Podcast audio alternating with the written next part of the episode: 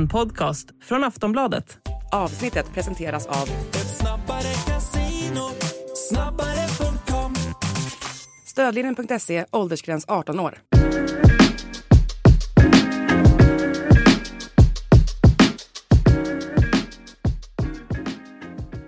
Allsvenska podden är tillbaka och det är jag, Daniel Kristoffersson och Makoto Asahara som ska ta er igenom det här avsnittet. Ett fullmatat avsnitt där vi först och främst ska snacka lite silly season och sen komma in på kuppen och sen komma in på lite framtida matcher i eh, för de allsvenska lagen. Men vi börjar med lite breaking news här, eller i alla fall det som har varit klart ett tag. Simon Sandberg blev officiellt klar för BK Häcken. Eh, det är tre treårskontrakt. Eh, häcken presenterade honom här under morgonen. Eh, vad säger vi om det Makoto? Det känns som en rätt bra värvning för Häcken som redan har en bra och bred trupp. Ja, för, för Häcken är en jättebra värvning och på fri transfer dessutom en spelare som absolut han har sin skadehistorik och har varit borta en del matcher från och till i, i Hammarby men det är fortfarande en väldigt skicklig offensiv ytterback. Men den frågan man ställer sig på något sätt är ju vart det har skurit sig mellan honom och Hammarby. För, Ja. att, för att på något sätt, det, de är ju ute efter en ytterback och jag tycker Mm. ändå att Simon Sandberg passar profilen. Men det måste finnas någonting som gör, jag vet inte om det är kontraktslängd eller vad det är, men det kanske du har koll på. Ja, men det har ju varit lite. Han blev ju erbjuden en lönesänkning där, men eller i alla fall sämre villkor än vad han hade i förra kontraktet då. Eh, och det var det han blev lite Ja, eh, eh, bekymrad över. Men sen så var det ju fram och tillbaka där och han var beredd att ta Hammarbys bud, men då gällde inte det längre och det har ju varit mycket fram och tillbaka med Simon Sandberg och Hammarby och det känns ju lite konstigt måste man ändå säga när Simon Sandberg var ju väldigt bra, gedigen, han har varit där många år, han blev ju väldigt populär eh, bland eh, supportrarna.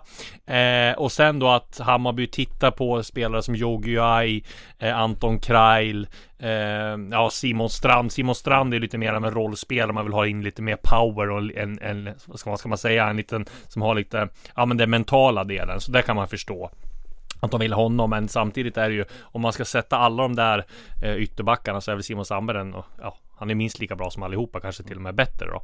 Eh, och där tycker man, tycker väl i alla fall jag att Häcken gör en en fyndvärvning. Man ska säga det också att han kan ju spela högerback men också mittback. Har ju spelat i Hammarby en del och där kan ju nog Häcken se honom också. Martin Eriksson sa ju det eh, här när vi avslöjade det här i, i lördags att eh, han ville inte kommentera någonting om Simon Sandberg men han såg honom både som mittback och, och ytterback så han kan spela både och. Sen är det viktigt att poängtera också såklart att om det nu var så att det fanns en möjlighet att vara kvar i Hammarby, man kan ändå förstå Sandbergs val att gå till svenska mästarna, till en klubb som han fortfarande har spelat Mm. i tidigare. Den, alltså sportsliga anledningen är Champions League-kval. väldigt, väldigt förståelig på alla sätt och vis. Sen är det väl mer det här faktumet att det känns som att han i grunden ville vara kvar från början. Ja. Vilket gör det lite konstigt alltihopa, men utifrån de förutsättningarna så klart att det är en jättebra flytt för Simon Sandberg, det är en jättebra värvning för BK Häcken tycker jag. Och så bara hoppas att han, han får hålla sig skadefri för att det är en väldigt sevärd och duktig fotbollsspelare när han får vara. Mm.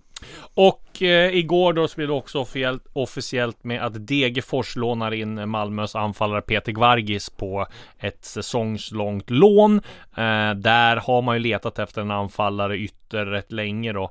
Och man har kommit fram till, till Gvargis. Det fanns ju intresse från Sirius också men han valde Degerfors. Och, och där kan man ju liksom tänka att Degerfors har, var, var ju väldigt lyckad i somras med Omar Faraj till exempel. Med Gustav Lagerbielke. Båda de eh, fick ju sin landslagsdebut faktiskt under januariturnén efter eh, en kort tid i Degerfors. Och jag tror inte att Peter Gvargis hade gått till Degerfors om inte han hade sett vad de hade gjort. Och jag tror liksom inte Degerfors hade värvat in Gvargis om man inte hade fått den här effekten på Omar Faraj till exempel på lån. Och så där hoppas man väl på, på samma effekt. Och det känns också som han kan komma igång eh, Gvargis efter en, en knäskada som han har drag, drog på sig och miss, som missa, gjorde att han missade hela förra säsongen med J, Söder J Södra när han var utlånad och har ju ett förflutet i Brighton eh, sen tidigare. Ja, nej men för såklart att eh, han har sett, som du sa, vad, vad miljön i Degerfors har gjort för unga spelare som letar efter att lyckas ta nästa kliv. Sen finns det väl skillnad på, alltså Lagerbjälke han väl inte egentligen få så mycket chanser i Elfsborg och, Nej, och visa exakt. upp sig och där, där var, har ju alla sett den otroligt väldigt, ta otrolig talang väldigt tidigt. Eh, Omar Faraj var ute utomlands och vidare. Gvargis kommer från lite annan sits. Mm. Eh, med det sagt så för hans del så hoppas man ju att det här blir lyftet, det är en ganska naturlig ersättare för Degerfors del. Sen tror jag att Degerfors kommer få det svårt i år. Eh, känslan är det, de hade det svårt i fjol. Eh, det blir inte alltid lättare nästa år. Nej. Så att, eh, och tappa en spelare som Faraj såklart att det, det ger effekt. Ja, inte Men bara det, de har tappat Krail, de har tappat Carlén. ja, ja det, är, det är många spelare de har tappat såklart. Så att, nej, men eh, får se om Gvargis kan vara en nyckel för dem. Det lär han behöva bli Mm. om de ska klara sig kvar. Och så då mer silly season. IFK Norrköping har hittat sin vänsterback. Eh, Jaja Kalley eh, från eh, Groningen och Holland ansluter enligt Norrköpings tidningar och även Expressen har skrivit om det. Eh, vad du som eh, har stenkoll på Norrköping, vad säger du om den värvningen? Känns som att han får en ruskigt snabb spelare i alla fall, till skillnad mot för kanske Viktor Agardius som de har haft tidigare. Ja, ja men det är ju, de behövde en ytterback tycker jag så att det är väl, men när man såg förra säsongen man roterade in Ari Skulason till exempel på den positionen så var det ju uppenbart. Nu var ju Jean Carlos de Brito skadad och det var ju en, han var väl tänkt att vara den spelaren. Eh, fick ju aldrig riktigt chansen att vara det.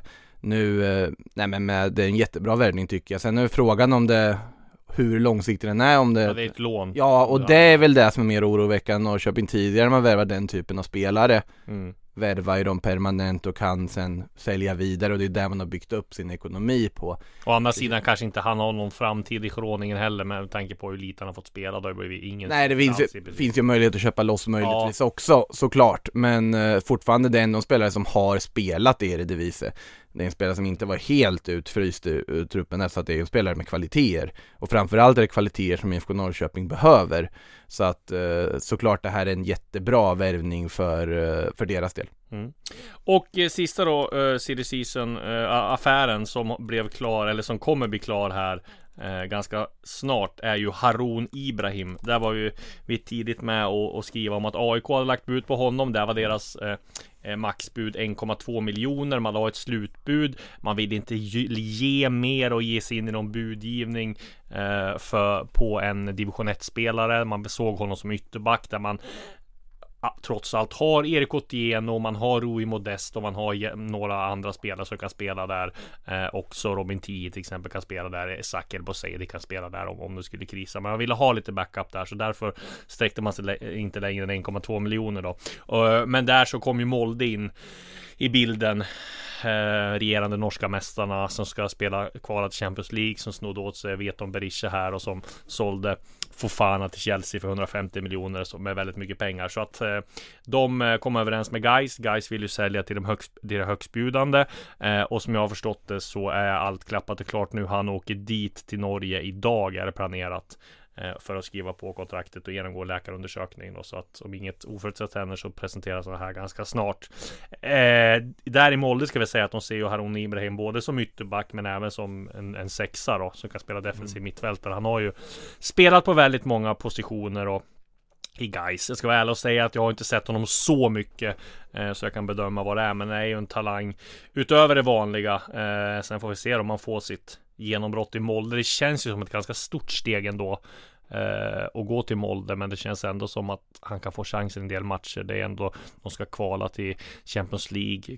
Klarar de inte det så blir det liksom Europa League. Klarar de inte det Europa Conference League. Och Det finns många livlinor. Det finns många linjer och kan bli många matcher. Så Mm. att eh, Ja, det blir spännande att se. Jag vet inte, har du något att tillägga om Harun Ibrahim? Ja men det säger väl en del om att, alltså som sagt AIK hade också varit ett stort steg. Ja, På något sätt. Och sen, sen är det alltid med visst vemod man noterar talanger från de eh, lägre divisionerna i Sverige som väljer flytten till, ja, Norge eller Danmark istället. Och inget ont om Norge eller Danmark, men det är ju för man vill stärka allsvenskan. Mm. Man vill ju se talang och kvalitet fortsätta spela den svenska fotbollen. Sen är det inte omöjligt att vi får se Aron Ibrahim återvända till allsvenskan förr eller senare, men samtidigt om det går väldigt bra, vilket vi såklart hoppas, då, då kommer han ju inte återvända till allsvenskan, då kommer han gå vidare. Men att man ser liksom norska elitserien som jag envist i huvudet först alltid vill kalla tippeligan fortfarande. ja men varför vill man det? Det vill man. Ja, men det, det, vi har ju växt upp med Ja. tippeligan, det är därför. Det är som att jag vill säga elitserien till hockey, SHL. Ja men det är ju, det är just det, det säger väl vissa fortfarande också, eller på att säga, men Ja. nej så att eh, Nej, det, jag tycker väl det är tråkigt att många ser den flytten snarare, men det här är ju inget nytt egentligen att de norska klubbarna har mer pengar att spendera. Och... Molde är väl ex exceptionellt. De kunde ju ta Veton Berisha 28-åring och betala över 30 miljoner för honom liksom. Ja, precis. Och, men det, Få fan pengarna. där är ju också en etablerad norsk spelare och det är Mm. absolut såklart att det är en jackpot för Hammarby att kunna göra den affären tycker jag med Mm. facit i hand. Mm. Eh, Även om det inte blev den värvningen man hoppades på från början så vart det i slutändan en plusaffär och det är ganska, ganska imponerande på så vis.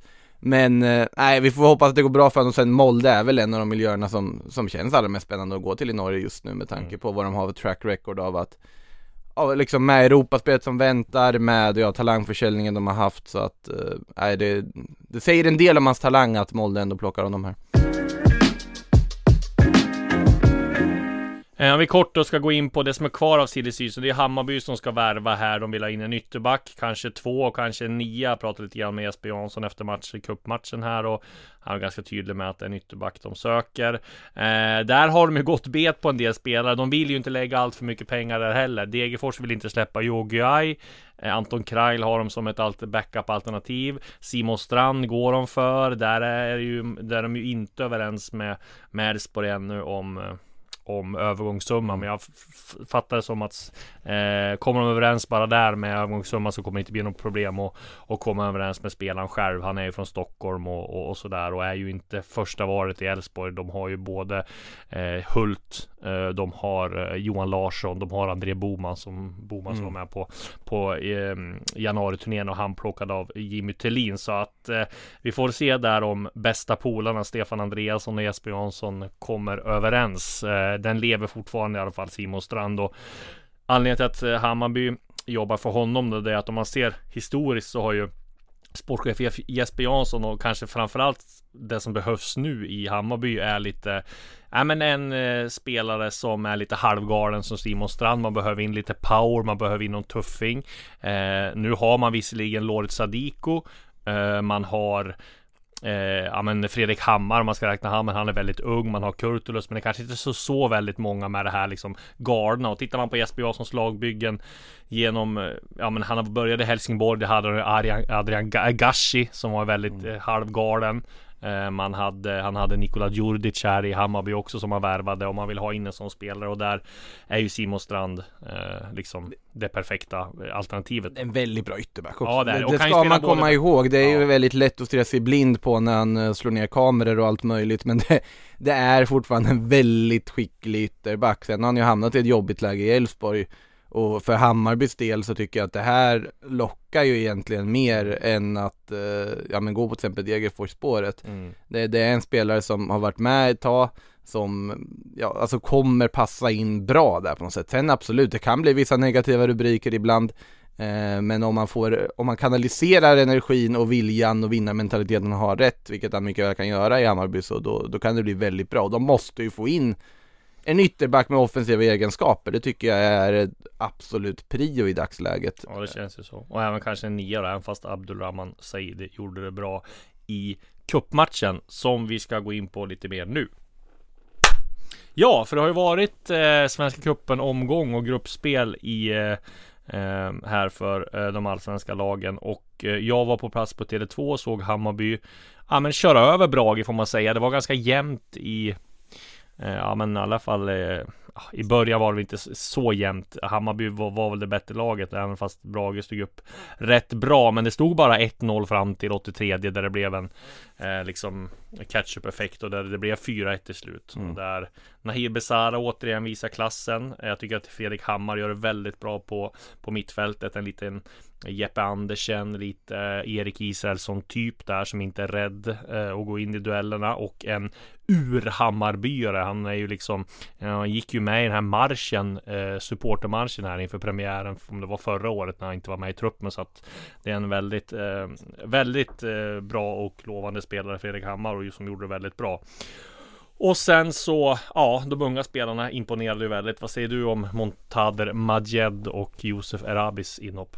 Alltså jag vill ju se dem få chansen i, i Allsvenskan här nu Mm. också, så jag ser ju inte nu, nu är det, det är ju väldigt lätt att dra allt för stora växlar av vad de sysslar med på en försäsong om man sysslar med en cupmatch mot Brage i mitten av februari. Mm. Men att Montader Majed har något alldeles extra, det kan alla se. Han, han har den här liksom Bara 17 år också. Ja men också förmågan där liksom den här självklarheten en mot en som är så otroligt svår att lära ut, den bara sitter hos vissa spelare på något sätt och han har ju den egenskapen. Mm. Sen såklart att det finns alltid saker att fila på, men han är bara 17, men jag vill ju se en sån spelare faktiskt få möjligheten här Eh, samarbete med Josef Erabi pratade han ju också om där att det funkar ju som på, de, de förstår ju varandra som i symbios, att han vet att om man slår bollen dit så kommer Erabi vara där. Eh, och Erabi är också en sån spelare som på något sätt väntat på sin chans. Man ser Hammarby som plockat in många nya nior och det har inte riktigt funkat. Erabi har ju fortsatt puttra på i HTFF, väntat på sin möjlighet. Tycker han ändå tagit den de gånger han får chansen i A-truppen här också. Och det, den spelare jag, i alla fall jag gärna vill se också få chansen i Allsvenskan. Sen såklart, du behöver fler än en renodlad nia för att gå, långt under en hel säsong, särskilt Ja. är Europaspel och allt, så jag tycker fortfarande de behöver värva någon. Men såklart att Erabi ska vara ett alternativ att ha i truppen. Och jag tycker att han visar att det här problemet inte är så akut. För det är en spelare som vet vart målet finns. För det är också en annan sån här egenskap som är väldigt svår att lära ut. Ja. Eh, Erabi har det, det sitter i ryggmärgen på honom och han har egenskaperna för att kunna vara den här tydliga referensramen centralt som också vet vart målet ligger. Så jag tycker det finns väldigt mycket positivt att ta med sig där för, för Hammarbys del. Ja, stark som en oxe beskrev ju sportchef Mm. Jesper Jansson honom efter matchen. Och det var väl väldigt många positiva besked för Hammarby. Djukanovic visar prov på sin spelskicklighet när han hoppar över bollen där till Nahir Besara Mm. som, som satte 1-0. Tesvalde Teki gör ett bra inhopp, eh, känns som en klockren Ja, Marti Cifuentes spelare. Eh, och så nämnda då Majed Erabi och eh, även Fredrik Hammar. Så att nej, det det känns som eh, Hammarby fick väldigt många eh, bra besked här eh, i, i första cupen. Så jag tror det var viktigt också att de gjorde fyra mål så att det inte blev bara 1-0 liksom. Jag tror det kan ge väldigt boost till de här unga laget. Ja, sen, sen är det ju också att det blir ju, det blir ju en svår del att hur, om de är väldigt bra de här unga, blir det väldigt svårt att man kan ju stirra sig blind. Som sagt, det är en cupmatch i mitten av februari, vet inte vad de gör när det väl blir på allvar, när det väl blir allsvensk spel på riktigt. Nu var ju det här en tävlingsmatch, men samtidigt är mot ett sämre motstånd. Mm. Man vill se de här spelarna få chansen i de stora matcherna och se vad det kan ge, men det vet vi inte än vad, vad de kan göra. Så att Nej.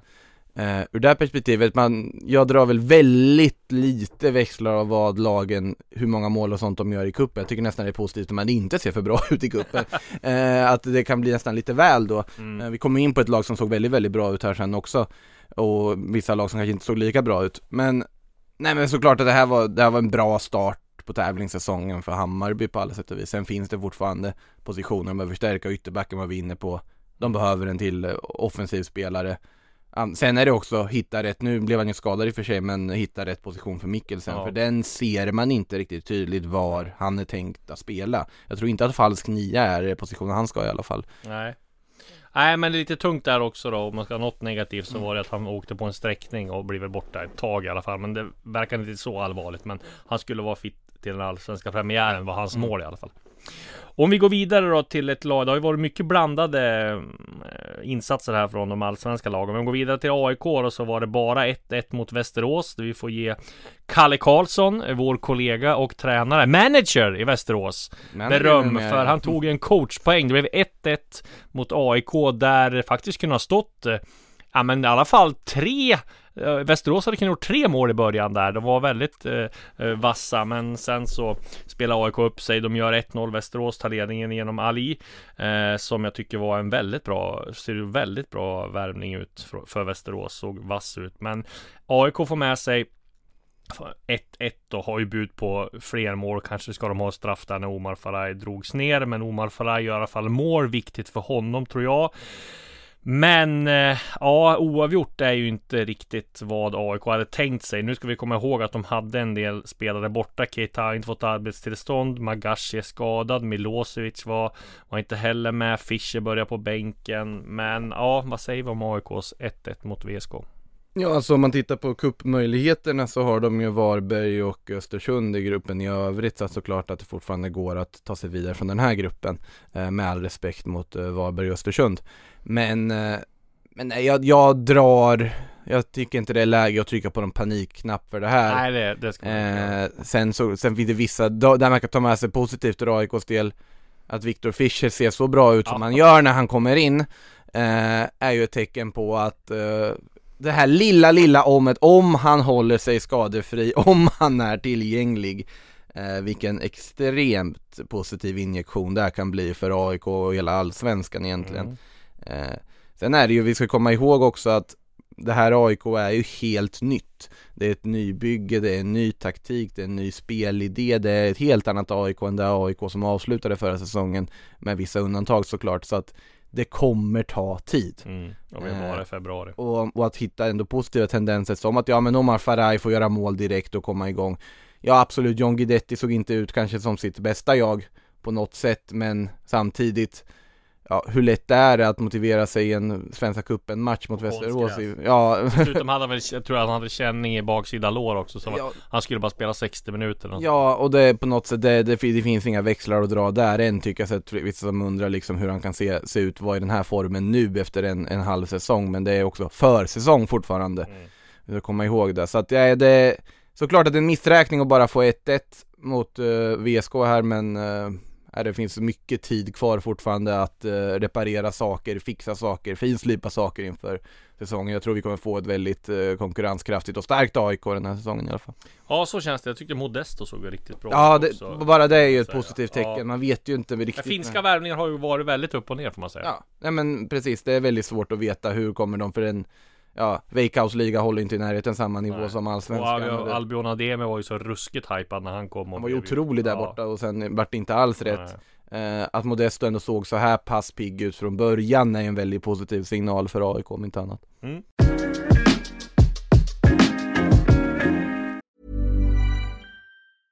Cool fact a crocodile can't stick out its tongue. Also, you can get health insurance for a month or just under a year in some states. United Healthcare short term insurance plans, underwritten by Golden Rule Insurance Company, offer flexible, budget friendly coverage for you. Learn more at uh1.com.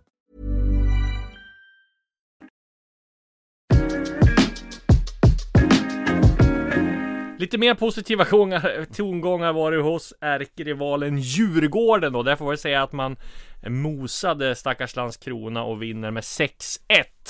Där var de stora snackisen två stycken. Sabovic pistol eh, målgest och sen så var ju att Lukas Bergvall fick göra sitt mål framför klubben närmast hjärtat och framför supportrarna. Eh, och då han var eh, väldigt eh, glad efteråt och lite känslomässig mixade zonen berättade eh, kollega Malin som var på på matchen här så att ja det ha, men hade man, det känns också som man hade lite på känn att Djurgården skulle vara så här långt fram. Vi har pratat att Djurgården inte har gjort speciellt mycket i truppen. Man har tappat eh, Hjalmar Ekdal, men man har ersatt, eh, ersatt med Carlos Moro, Moros Gracia ganska snabbt som har kommit in Mm. bra i laget. Oliver Berg var på plats tidigt. Så att det var väl ganska naturligt att det skulle se ut så här bra, eller? Ja, de, de, de är ju så pass långt gångna och det finns ju inte någon form av taktisk revolution som pågått. Det har inte varit någon spelarflykt på så vis. Såklart Hjalmar Ekdal är tapp, men som sagt de ersatte honom direkt. Oliver Berg Tidigt. Ja, Oliver Berg kom in också tidigt, ett komplement till och liksom en förstärkning av den, den spelare jag ändå tog med mig också. Det blir väldigt spännande att se vad han gör den här säsongen, det är ju faktiskt Gustav Wik. Ja, verkligen. Alltså för, för vi, vi pratade väldigt mycket om honom förra säsongen i början, han hade väldigt lång tid att komma igång och det märktes att det var frustrerande för honom såklart och var- fick ju många kritiska ord såklart för sina insatser med tanke på de förhoppningar man hade på honom när han kom dit. Sen kom han ju igång i slutet av säsongen, ska vi ge honom och var ju väldigt tongivande stundtals med. Men eh, det här kan ju faktiskt, när alla pratar om Oliver Berg och Edvardsen och, så, och Bergvall givetvis såklart så Vi ska inte glömma bort Gustav Wikheim, jag tycker att han visar här att det här kan bli hans säsong som Mm. väntar Ja precis och det får man säga det är också något mer positivt för Djurgården gällande Hjalmar Ekdal är ju att eh, hans eh, en riktigt oväntad miljonbonus kan ticka in för Djurgården. Eh, Övergångssumman kan stiga rejält. Med tanke på att när Ekdal värvades så skrev man ju först in en i övergångssumman då. Det var ju 30 miljoner ungefär där. Ja. En del var bonus relaterat att de skulle gå upp i Premier League. Ja. Men det var ju inte så stor eh, grej för det visste man ju. De ledde ju med 17 poäng eller 15 Mm. poäng när han gick dit. Så, så det att han skulle att de skulle gå upp i Premier League var väl liksom ingen sådär avgörande för, för en stor bonus. Men däremot så värvade ju Burnley honom på sikt. Så att där skrev man in en Eh, liksom en prestationsbot att spela han eh, hälften av matcherna som var kvar. Jag tror att det var 18 eller 19 matcher Mm. kvar när han skrev på. Så skulle han- dels han få en jättelöneförhöjning och dels skulle Djurgården få en rejäl eh, flera Mm. miljoner i, i bonus. Och nu har han ju spelat åt sin ordinarie eh, startplats direkt. Så det är bara fem Ja. matcher kvar eh, som han har på sig för att infria de där eh, bonus för att bonusen ska ticka in och där känns det som att Djurgården kommer Det- få ännu mer pengar. Det där är intressant med när man förhandlar sådana här bonusar tänker jag mig också att det är en väldigt svår balansgång Alltså som köpande klubb såklart Mm. att men du, du vill ändå se att ja, men, okej, vi är redo att betala om det här faktiskt visar sig vara en lyckad värvning Mm. Det är väldigt svårt för en säljande klubb att argumentera mot Nej men vi tror inte att han är så bra så att han löser det här så att för dem Ja men ni, ni, vill, ni har ju en jättebra spelare som Ja. ni kräver jättemycket pengar för Exakt. Såklart ni tror att han kommer slå sig in här, eller hur? Precis. Det är väl väldigt svår balansgång, men här verkar man ju ha gjort rätt i, i bonusskrivningarna Ja, och klausulerna i det här avtalet uppenbarligen för att han har ju slagit sig in och gjort det väldigt bra så att men, men Djurgården är ju den klubb som har kommit allra längst och är allra mest kompletta just nu. Det är ju för att de inte har förändrat några grunder egentligen. Nej. Och det finns ingen anledning att tränare. förändra grunder och de skulle inte, absolut inte förändra några grunder inför Europaslutspelet som väntar för dem också. Så de ska vara så här långt fram. Mm. De ska kunna avfärda ett, ett Landskrona på det här sättet de gör på hemmaplan inför, eh, inför fansen. Så att eh, nej, de, de ser ut precis som man borde kunna vänta sig att de ska göra, vilket ju är positivt att de gör också. Mm. Eh, sen då, vi lämnar Djurgården och positiva tongångar. Sen var det ju att Blåvitt vann ju Ja, rätt komfortabelt ändå, även fast det blev 3-2 Ja. mot Utsikten får man säga att det var, var väl någon fara på taket. Eh, de blandade och gav, de hade ganska många eh, eh, nyckelspelare borta. Eh, de, eh, ja, det var lite slarvigt där tyckte jag i första och andra halvlek. Man vinner ändå 3-2. Men eh, Utsiktens målis var ju i en klass för sig. Han gjorde ju extremt massa konstiga eh, vad heter det? Han hade ju, han hade ja. ingen vidare hade- första halvlek, nej, men sen, så jag tyckte ändå han eh, repade sig lite i andra där och stod för några fina Men det fina var parader, ju men- två riktiga tavlor får man ändå säga som han stod för och hjälpte väl till där. Men Elias Hagen presenterade sig, gjorde, Mm. gjorde mål. Abdullahi är ju en helt annan spelare nu än vad han var förra säsongen. Tyckte han var väldigt bra som Emma. Markovic går väl att säga samma sak om Ja, också precis. egentligen, i alla fall ett annat annan spelare än var i en annan kamratförening så att säga. Eh, så att det, det blir väldigt spännande att se om man kan visa den här potentialen som uppenbarligen Stig Torbjörnsen sett i alla fall och insisterat på med tanke på att han värvat honom inte bara en utan två gånger förra året. Eh, ganska fascinerande, det är inte ofta man ser det här på en säsong. Men eh, ja, om han, han är ju en joker som sagt. Skönt att Hagen får göra mål direkt. Ja. Sen absolut, det finns vissa defensiva frågetecken i hur man ändå släpper in två mål mot ett lag som Utsikten och hur försvarsspelet ser ut på de målen. Men återigen, och jag kommer säga det massa gånger och eh, låter som en eh, repad LP-skiva, men det är fortfarande mitten av februari och försäsong. Mm. Så att eh, nej, det viktigaste är att ta tre poäng och få vissa positiva svar, vilket jag tycker ändå att Blåvitt får här.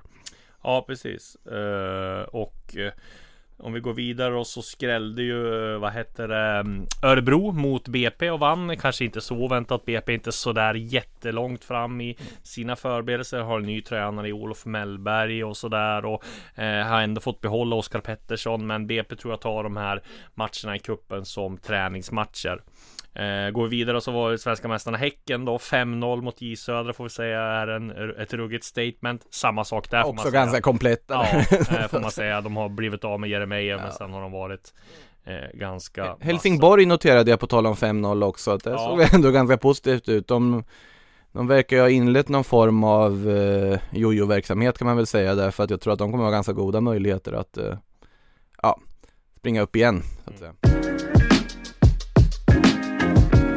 Malmö FF eh, vann en hetsig match mot Skövde där eh, Anton Tinnerholm var inblandad i lite tjafs där Linderoth vs AC eh, var lite hetsigt där och Linderoth vs Rydström och äh, det var ruggigt hetsigt och ska man ta någonting som jag tar med mig från de matcher jag bevakat på försäsongen så är det ju att Malmö ser ruskigt taggad ut. Det var det här ehm, eh, tjafset i Marbella också med visserligen mot ett FC Dallas som var spelade helt huvudlöst med tacklingar och allting men det märks lite grann att Malmös lagbygge är mer att nu är det vi mot dem och att man har försökt skapa en känsla i gruppen där man ska ena eh, laget mer. Det kanske var lite mer spretigt förra året med mycket individualister och sådär. Nu har man fått tag in framförallt Anton Tinnerholm som ska liksom vara där med ledaregenskaper eh, och det är knappast en slump att Henrik Rydström är inblandad i så mycket. Det är knappast en slump att han är den första nästan som springer bort till FC Dal eller Dallas FCs bänk där när det blir bråk och ska visa att liksom jag är också med i det här. Så att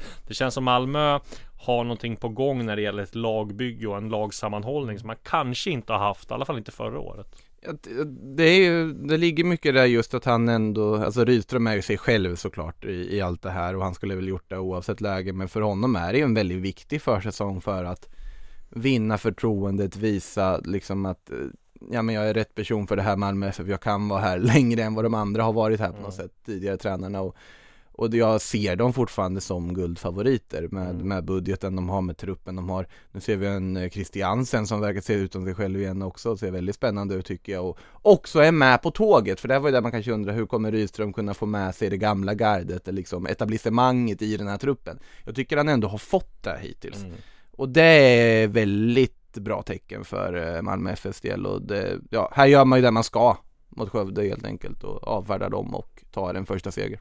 Ja, Halmstad vann enkelt över Trollhättan också och sen så har vi ju nya griniga IFK Norrköping har vi skrivit här i cupdelen som vann mot Geis. Här var det ju rekord i gula kort. Var det sju eller åtta eller vad var det? Ja men det, så här, Norrköping har alltid varit ett väldigt snällt lag. Eller ja. de har varit det egentligen sen Ja under hela Jens Gustafssons tid, under ja, majoriteten av Janne Anderssons tid också Ganska liksom timidt lag på mm. planen. Mm. Det, det inte har varit så mycket gruff och gnäll och man har oftast nästan blivit lite överkörda i sådana situationer. Mm. Här är det ju raka motsatsen. Och den här typen av segrar har man inte sett Norrköping riktigt ta. Alltså att, att, att gneta sig till ett 1-0 resultat, det, såg, det var inte vackert på något sätt. Det såg inte välfungerande ut på något sätt. Eh, men det är väl den här Glenn nya Ridderssons nya Glenn Ridderssons nya griniga IFK Norrköping. Ja. Så att det, vi får se vad det här eh, renderar i om vi får se något liknande i Mot Utsikten här eller vad, vad som framförallt kommer hända i kamratmötet det här man undrar över i, som kommer avsluta det här cupgruppspelet Men ja det, det är så väldigt långt kvar, de hade ju förlorat varenda försäsongsmatch inför det här också Eh, vilket är en bedrift i sig nästan. Men eh, ja, nu fick de en seger. Ja, men jag tror att det var viktigt ändå för Norrköping och jag tror att eh, när de får in de här värvningarna då eh, som med Kalle och och, och det här så tror jag väl att de borde kunna få ordning på det. Men ja, det blir som sagt Norrköping och Göteborg kommer få det tufft att slå sig in på topp 5, topp 3.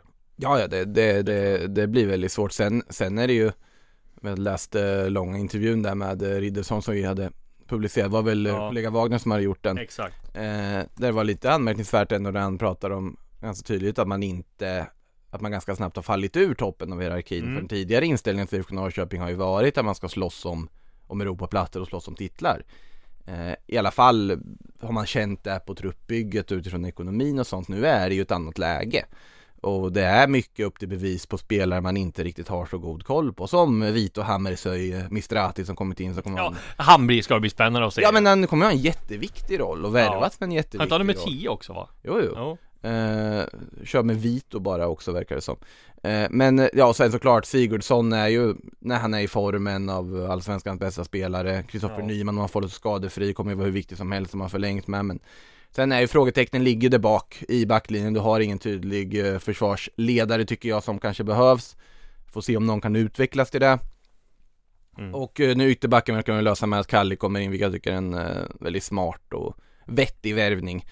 Men äh, det är mycket upp till vis väldigt, väldigt svåranalyserat IFK Norrköping så här långt och då var det väl anmärkningsvärt ändå att man Det blev så grinigt som det blev mot Gais. Det förväntar man inte riktigt i en uh, cupmatch i februari. Och med de orden så avslutar vi veckans avsnitt av den allsvenska podden. Vi är såklart tillbaka nästa vecka då med mer matcher, mer silly season och allt vad det innebär. Tack för idag! Hey everyone! I've been on the go recently. Phoenix, Kansas City, Chicago. If you're like me and have a home but aren't always at home, you have an Airbnb. Hosting your home or a spare room is a very practical side hustle. If you live in a big game town, you can Airbnb your place for fans to stay in. Your home might be worth more than you think. Find out how much at airbnb.com/slash host.